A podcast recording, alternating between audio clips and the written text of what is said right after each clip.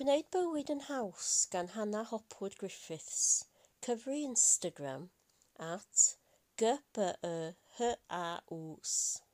Pan gyhoeddwyd y byddai cyfnod clo yn dechrau ar y trydydd ar hugain o fawrth 2020, roeddwn ni yn afrealistig o obeithiol y byddai'r cyfan drosodd fel yr awgrymwyd gan y gwleidyddion o fewn deuddeg wythnos ac y byddai bywyd yn gallu mynd yn ôl i normal yn gymharol gyflym.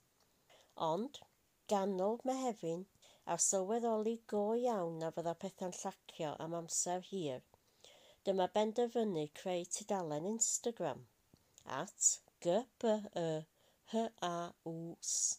neu gwneud bywyd yn haws. Gyda'r bwriad o weld sut oedd pobl yn ymdopi gyda 2020. Roedd y syniad wedi bod gen i mewn gwirionedd ers cael fy mab cyntaf a neirin yn 2018 ond oedd hi ddim yn teimlo'n iawn bryd hynny, ac fe gedwais ambell eitem mewn ffolder ar y cyfrifiadur.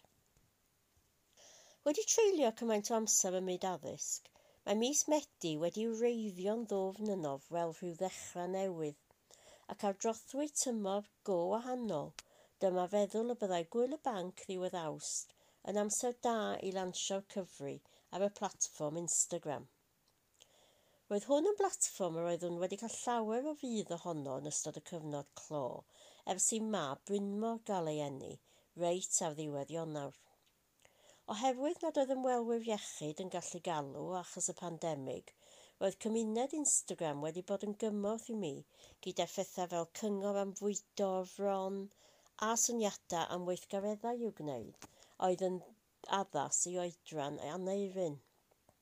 Rwy wedi ei weld fel lle positif a chefnogol ac rwy wedi bod wrth fy modd yn gweld presenoldeb y Gymraeg ar y rhwydweithiau hyn sy'n rhoi cyngor ar bob math o bethau. Megis at bwydo rhai bach, at grŵp mamau babi, at cwls, at Adam yn yr ardd, at mam a lleiad, at croen heb sôn am y llu o fusnesau bach Cymreig sydd wedi codi yn ystod y cyfnod clo. Yn dilyn sgyrsiau cefnogol gan rai o'r bobl tu ôl i'w tudalenna hyn felly, dyma benderfynu mynd amdani. Doeddwn ni ddim yn disgwyl denu rhyw lawer o ddilynwyr, a dydy'r niferoedd ddim yn bwysig. Yr un sy'n bwysig yw bod y rheini sy'n dilyn yn mwynhau ac yn cael bydd o'r dudalen.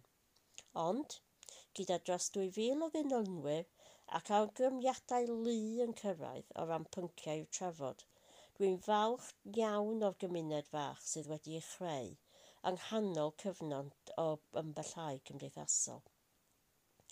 Y bwriad, fel y mae'r teitl yn ei awgrymu, ydy dysgu beth sy'n gwneud bywyd yn haws i bobl, o'r pethau bach i'r pethau mawr. A dwi wedi derbyn pob math o gyngor – o bethau fel agor tin heb agorwr at y swydd, defnyddio crocwyr dillad at bob math o ddibenion, gynllunio pryda bwyd, glanhau, trefnu a gwneud DIY. Ond bu hefyd sawl cyfle i ddysgu beth sy'n gallu gwneud bywyd ychydig bach yn haws i rai sydd wedi wynebu cyfnodau heriol eithriadol. Cyfais gyfle i sgwrsio, er enghraifft, a Carol Davies – sydd fel fi yn ei thridegau cynnar ac yn fam i ddau o fechgyn bach prysur a gafodd ddiagnosis o ganser y fron ar ganol y pandemig.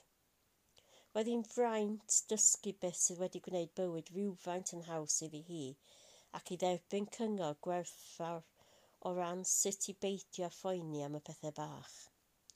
Thema sy'n rhedeg yn gyson drwy'r sgyrsiau, fel yr un ag efais gyda Mari Lyfgreen – a'r dylunydd tŷ Mandy Watkins ydy pa mor bwysig ydy hi i ddod i adnabod eich hunan a derbyn eich hunan a pheidio â bod ofn gofyn am help. Cafwyd cyfle wedyn fus tachwedd i ehangu platfform y sgyrsiau ac ymgartrefu ar y tonfeddi draw ar BBC Radio Cymru a hoffwn ddiolch o galon i'r tîm yno am y cyfle a'r gefnogaeth wrth i'w gyfres ddatblygu.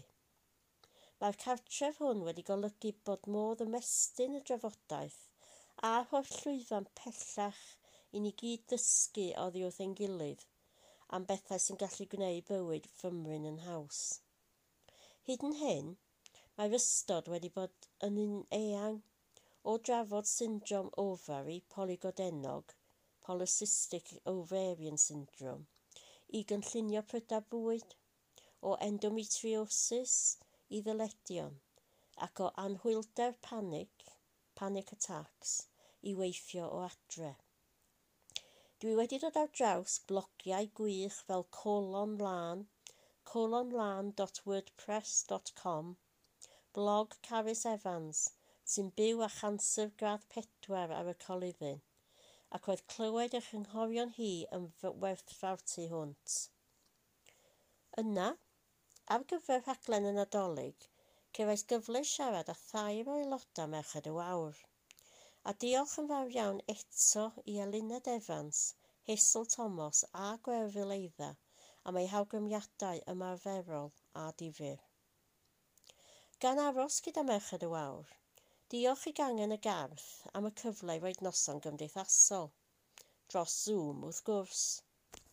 Braf iawn oedd cael cyfle i sgwrsio nhw am y Gymraeg ar Instagram, ac mae rhai ohonynt wedi dod draw i ddilyn gwneud bywyd yn haws, ac mae hynny'n hyfryd. Dwi wedi bod wrth fy modd yn gwneud cysylltiadau newydd fel hyn, ac yn edrych ymlaen yn fawr at barhau i allu dysgu a helpu ein gilydd. Dewch draw i at gbyhau i ddilyn y dudalen a chofiwch rando ar y rhaglen bob nos Fawrth am chwech ar BBC Radio Cymru.